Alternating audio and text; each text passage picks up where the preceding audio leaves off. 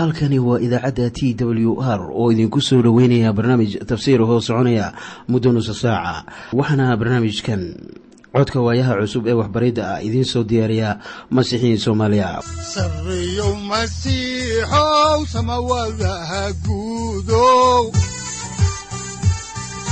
Siraadkii adduunkow subanaha eebow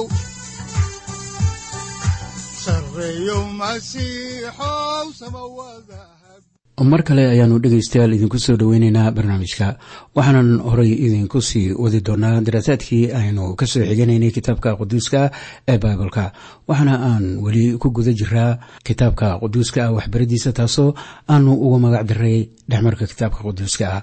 Waa barnaamij aad ku baranaysaan kutubta baibalka uu ka kooban yahay haddii ay ahaan lahaayeen kuwii axdigii hore iyo kuwa axdiga cusub. Waxaanan caaway horey idinku sii wadi doonaa meeriska cutubka lixaad oo aynu kaga gudbi doono kan toddobaad. Balse haatan aynu wada dhegaysano qhasiido ay inoogu luuqeeyaan culimo soomaaliya oo welibana masiixiyiin ah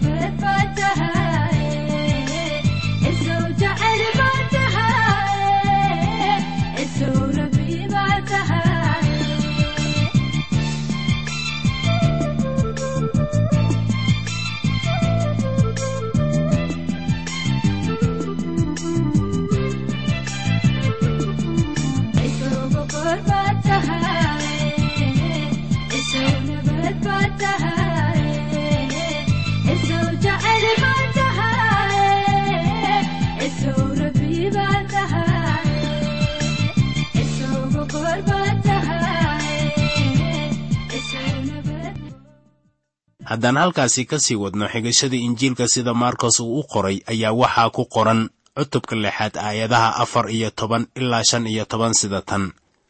Boqor herodos ayaa warkii ciise maqlay waayo magaciisa ayaa meel walba laga wada ogaaday. Kolkaasuu yidhi yooxanaa baabtiisaha ayaa kuwii dhintay ka soo sara kacay. Sidaa darteed shuqulladan xoogga leh waa ku dhex jiraan oo ay shaqaynayaan laakiin qaar kale waxay yidhaahdeen waa eliyaas. Qaar kalena waxay yidhaahdeen waa nebi nebiyada kale la mid ah. Waxaannu arkaynaa in ninkan herodos ah uu yahay nin gurracan oo khuraafaad aaminsan laakiin waxaa jiray fikrado kala duwan oo ka jiray dadka ee ku saabsan sayid ciise. Isku si baa weli loo arkaa maanta marka laysweydiiyo su'aasha ah yuu yahay ciise masiix.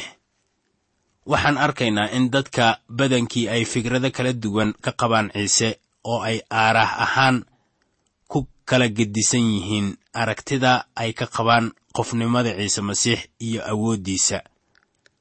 Markaana qas caynkan ah ayaa ka dhex jiray dadka oo herodosna shakila'aan wuu baqay haddaan halkaasi ka sii wadna xigashada ayaa waxaa ku qoran cutubka lixaad aayadda lix iyo tobanaad sida tan. Laakiin herodos goortuu maqlay wuxuu yidhi kanu waa yooxanaa kii aan madaxa ka gooyey. Kuwii dhintay ayuu ka soo saro kacay. Markaad aayaddan eegto waad ogaanaysaa in herodos baqay haddaan xigashada halkeedii ka sii wadno ayaa waxaa ku qoran injiilka sida maarkos uu u qoray aayadaha toddoba iyo toban ilaa siddeed iyo toban sida tan. Waayo herodos qudhiisa ayaa cid diray oo yooxanaa qabtay oo u xabisay walaalkiis filibos naagtiisii herodiya aawadeed. Waayo wuu guursaday oo yooxanaa wuxuu herodos ku yidhi xalaalkuu ma aha inaad naagtii walaalkaa haysatid dilkii yooxanaa baabtiisaha wakhti markaa ka horreeya ayuu dhacay. Markaan eegno halka wacdiska ciise uu marayo haatan waxaad haddaba ogaataa yooxanaa inuu si aan cabsi lahayn u daleeceeyey dembiga ay samaynayaan nimanka madaxda ah. Wuxuu eed dusha ka saaray herodos kadib markii uu guursaday herodiya oo ahayd naagtii walaalkiis eedayntii yooxanaa baabtiisaha ayaa keentay in herodiya ay carooto.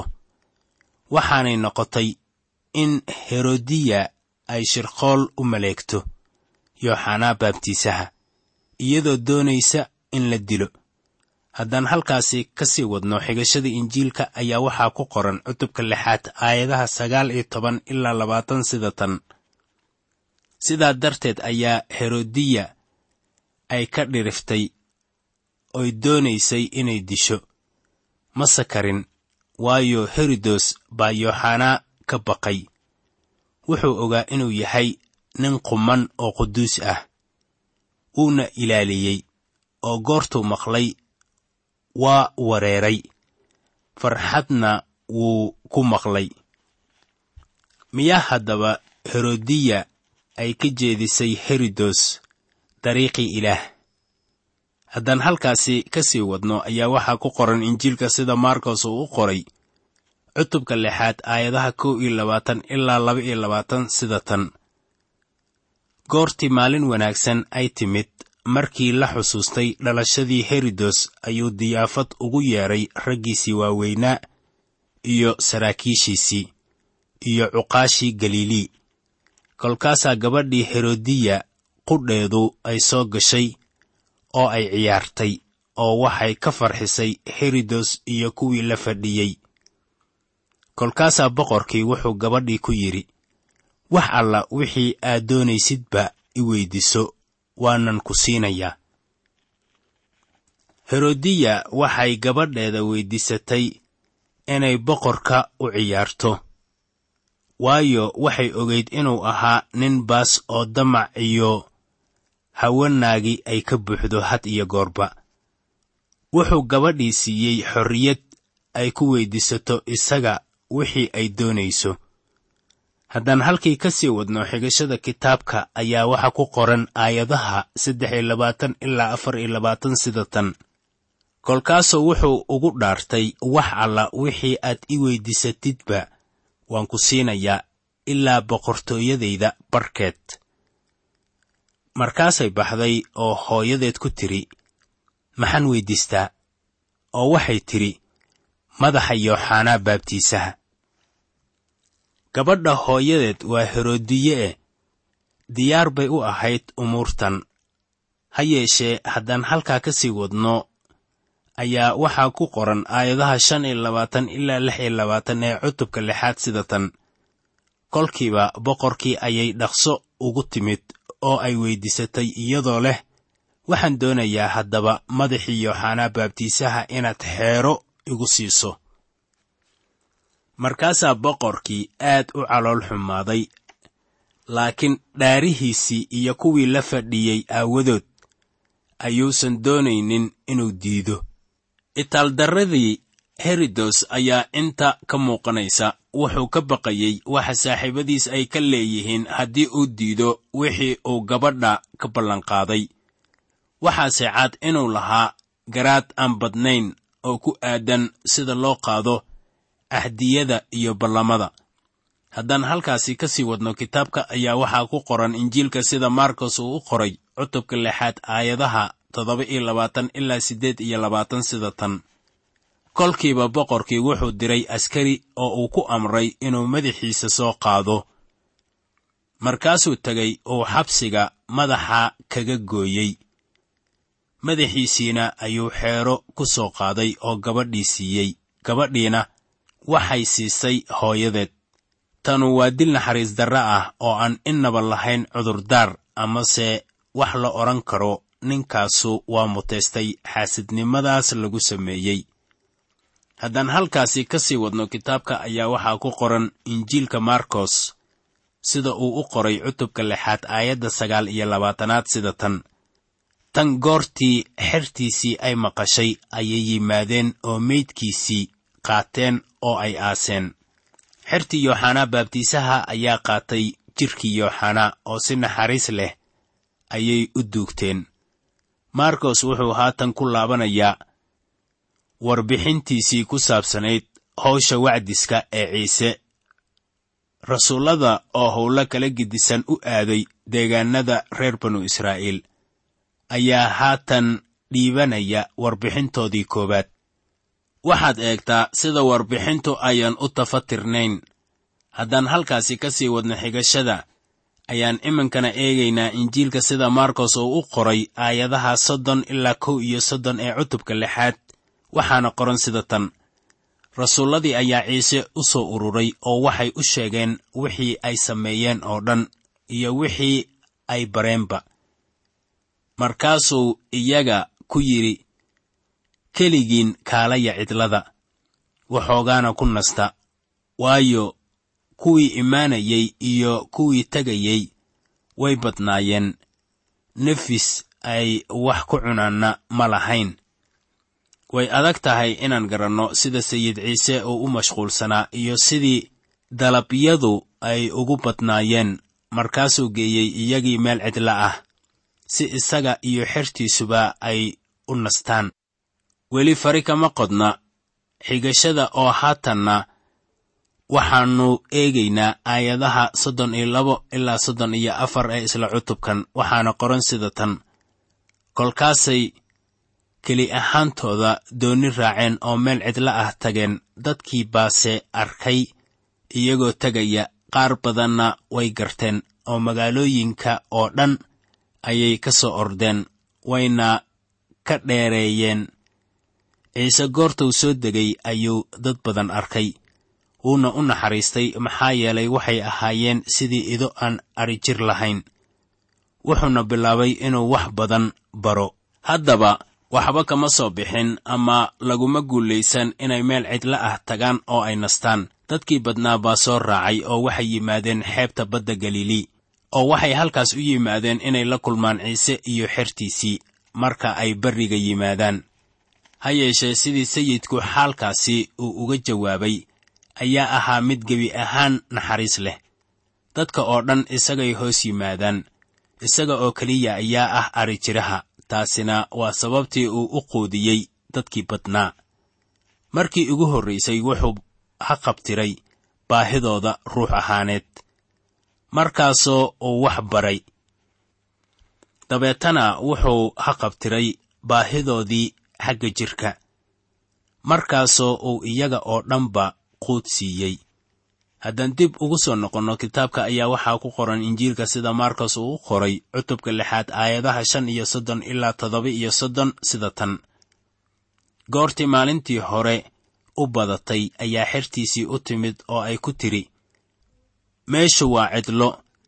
Haddana maalintii horay u badatay dadka dir si ay u tagaan beeraha iyo tuulooyinka ku wareegsan oo ay wax la cuno u soo iibsadaan kolkaasuu u jawaabay oo ku yidhi idinku siiya waxay cunaan. Waxay ku yidhaahdeen miyaannu tagnaa inaannu soo iibinno laba boqol oo diinaar oo kibis ah oo aannu siinno inay cunaan. Haddaba wuxuu ku amray iyaga inay sameeyaan howl aan suuragal ahayn. Waa inay wax bartaan. Sidaan innaguba wax u baranayno oo isagu wuxuu iyaga ku amrayaa waxaan suuroobaynin sababtu waa iska caddaan. Wuxuu doonayaa inuu isagu sameeyo hawsha. Haddaan halkii ka sii wadno xigashada kitaabka ayaa waxaa ku qoran aayadaha soddon iyo siddeed ilaa afartan iyo afar ee cutubka lixaad sida tan. Markaasuu ku yidhi imise kibsood baad haysaan? soo eega. Oo markay ogaadeen waxay ku yidhaahdeen shan kibsood iyo laba kalluun kolkaasuu ku amray inay cooska koox koox ugu fadhiistaan. Waxay u fadhiisteen safaf boqol boqol iyo konton konton ah. Isaguna wuxuu qaaday shantii kibsood iyo labadii kalluun oo intuu cerka eegay ayuu barakadeeyey. Kibistiina ayuu kala jebiyey oo xertiisii siiyey inay hortooda dhigaan. Labadii kalluunna wuu u qaybiyey giddigood dhammaantood way wada cuneen oo ay ka dhargeen oo waxay soo gureen laba iyo toban dembiilood oo uu ka buuxo jajabkii iyo kalluunka. Kuwii kibistii cunayna waxay ahaayeen shan kun oo nin. Tanu waa mucjizo. Abuuraha bilowgiiba uumay kalluunka oo badarkana ku badiyey inay dhulka ka soo baxaan baa haddeer cunno u keenaya dadkii badnaa. Tanuna waxaa laga yaabaa inay ahayd markii u horraysay ee kuwo badan oo xerta ka mid ahaa ay cunno sidaas uga dhergaan. Haddaan halkii ka sii wadno xigashada kitaabka ayaa waxaa ku qoran cutubka lixaad aayadda afartan iyo shanaad. Kolkiiba wuxuu xertiisii ku amray inay doonnida fuulaan oo ay hortiis tagaan dhanka kale ee betsayda intuu dadkii badnaa dirayo. Waxaad garan karaysaa inay jirtay degdeg sida labada eray ee kale ah amray iyo kolkiiba ay muujinayaan faallo tan ka ballaaran ayaa ku qoran injiilka sida yooxanaa uu u qoray cutubka lixaad aayadda shan iyo tobanaad. Waxaana degdegta keenay waxay ahayd in dadkii badnaa ay doonayeen inay ciise si qasab ah boqor uga dhigaan. Haddaan halkaasi ka sii wadno kitaabka ayaa waxaa ku qoran injiilka sida markos uu u qoray cutubka lixaad aayadaha afartan iyo lix ilaa konton iyo laba sida tan. Goortuu kala diray ayuu buurta tegay inuu ku tukado. Goortii maqribkii la gaadhay doonnidii waxay joogtay badda dhexdeeda. Isaguna keligiis ayuu dhulka joogay. Wuxuu arkay iyagoo wadidda ku dhibaatoonaya waayo dabeesha ayaa ka gees ahayd. Wakhtigii gaadhka afaraad ee habeenka ayuu u yimid isagoo badda ku dul socda wuuna iska dhaafi lahaa. Laakiin goortay arkeen isagoo badda ku dul socda waxay moodeen inuu muuqasho yahay. Markaasay qayliyeen waayo way wada arkeen wayna naxeen. Markiiba wuu la hadlay oo uu ku yidhi kalsoonaada waa aniga hee habaqina.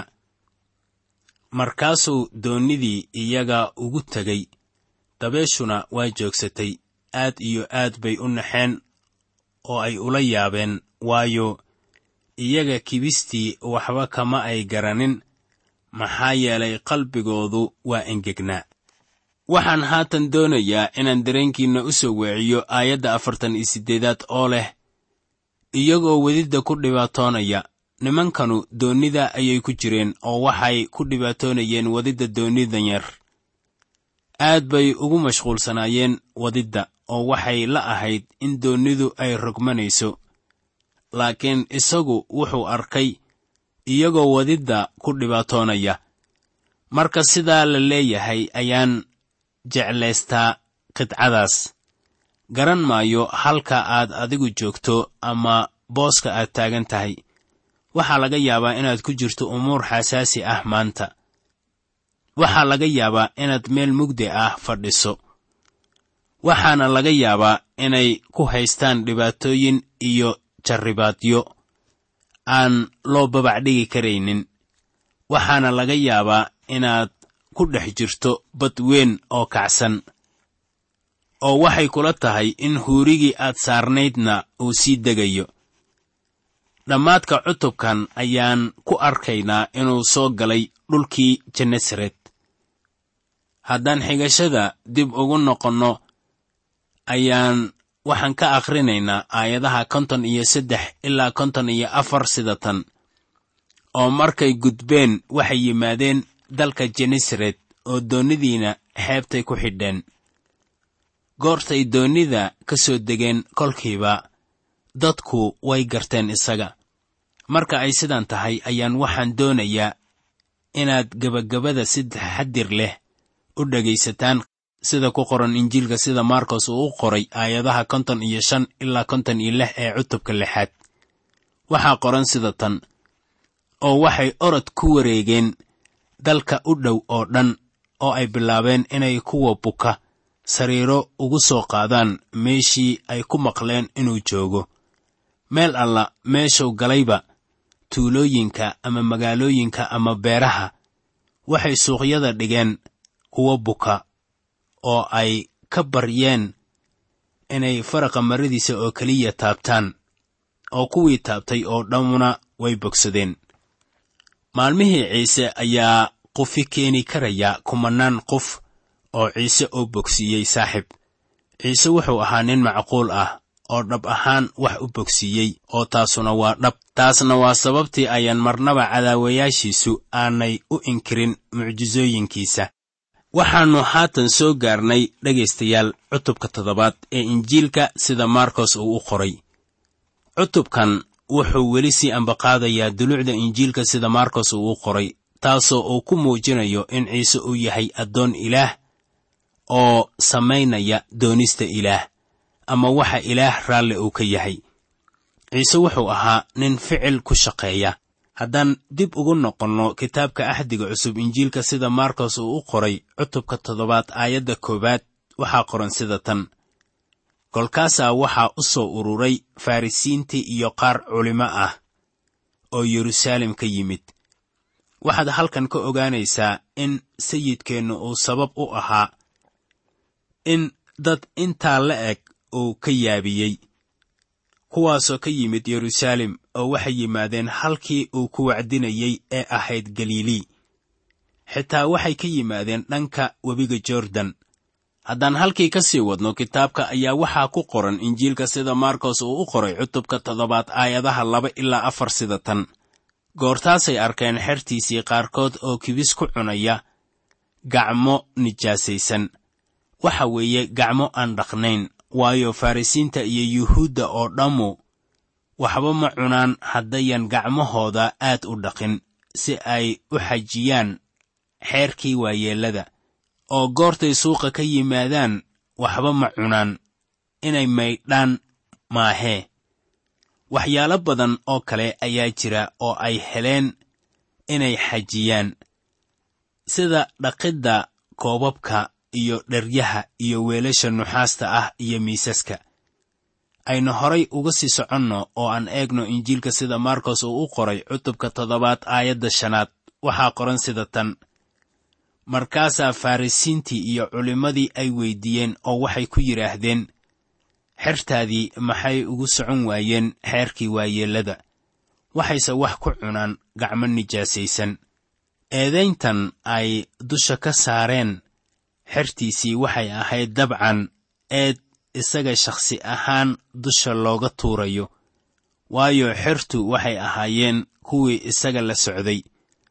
Haatan waxaad ogaataa sidii sayidkeennu uu ula macaamilooday. Waxaanad arkaysaa inaannu si fudud u qaadanin eeddaas.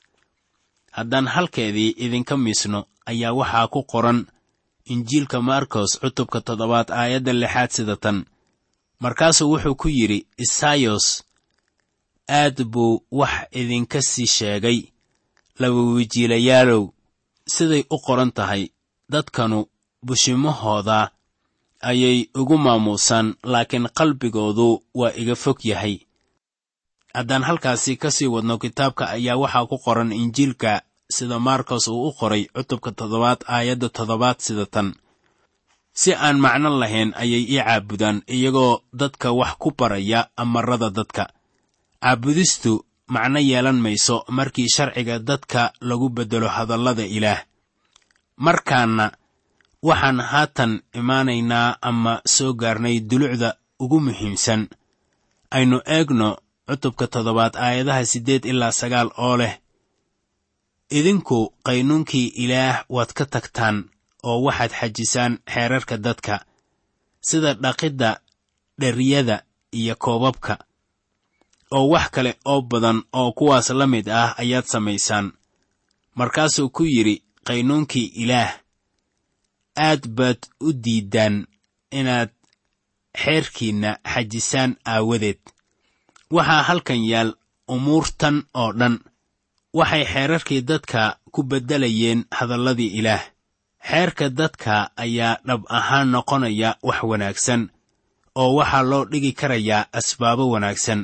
Haddaba shar buu noqonayaa markii lagu beddelo hadallada ilaah si loo siiyo jiilka dambe ee soo koraya.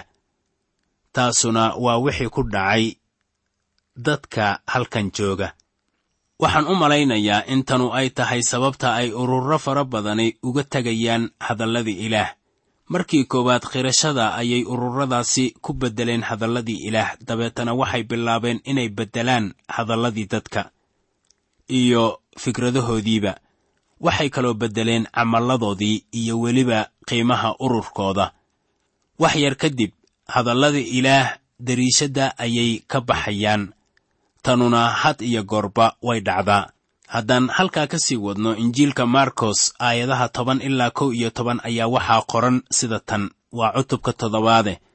Waayo muuse wuxuu yidhi aabbaha iyo hooyada maamuus oo kan aabbihii iyo hooyadii caayaa dhimasho ha ku dhammaado. Laakiin waxaad leedihiin haddii nin aabbihii iyo hooyadii uu ku yidhaahdo wixii aan idin tari lahaa oo dhan waxaan ku bixiyey qurbaan waxa weeye sadaqadii ilaah la siiyey. Haatan wuxuu siinayaa iyaga tusaale ku aadan waxa ay samaynayaan. Muuse ayaa ku sheegay sharciga inay aabbahood iyo hooyadood maamuusaan laakiin sharcigooda ayaa keenay marin habaabin ay kaga baxsadaan mas'uuliyaddii ka saarnayd waalidiintood. Haddii qof uusan doonayn inuu caawiyo waalidkiis. Markay gaboobaan oo ay u baahdaan lacag buu siinayaa wadaadka jooga macbudka taasuna waxay noqonaysaa qurbaan hadiyad ah. Markii ninkaasu uu dhinto waxaa qaadanaya hantidiisa macbudka waxaana laga qaaday mas'uuliyaddii waalidkiis. Haddaan halkaasi ka sii wadno qorniinka ayaa waxaa ku qoran markos aayadaha laba iyo toban ilaa saddex iyo toban ee cutubka toddobaad sida tan. Idinku uma daysaan mar dambe inuu aabbihii iyo hooyadii wax u sameeyo. Hadalkii ilaah ayaad ku buriseen xeerkiinna aad bixiseen. Oo wax badan oo kuwan oo kale ah ayaad samaysaan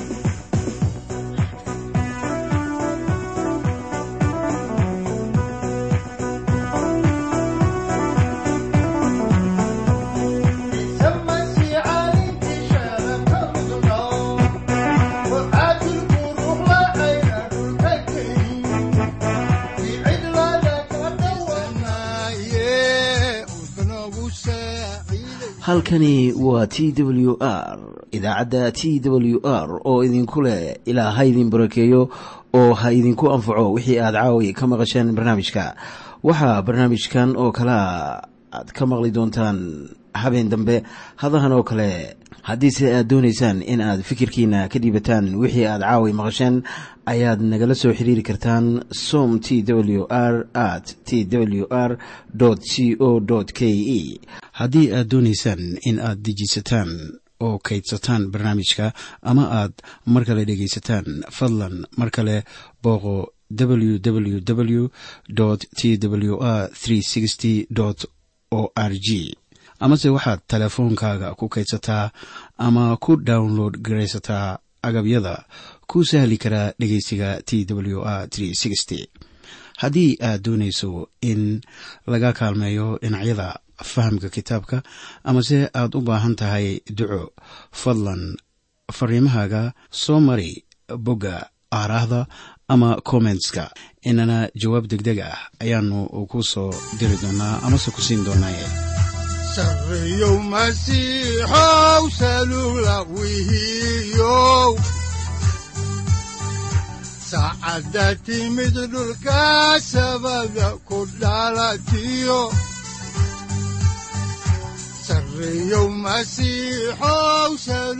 halkani waa t w r oo idiin rajaynaya habeen baraare iyo barwaaqaba leh inta aynu ka gaari doono wakhti aynu ku kulanno barnaamij la mida kan caawayay aad maqasheen. Waxa aan idinku leeyahay nabadda ciise masiix ha idinku badato xagga jidhka iyo ruuxaba. Aamiin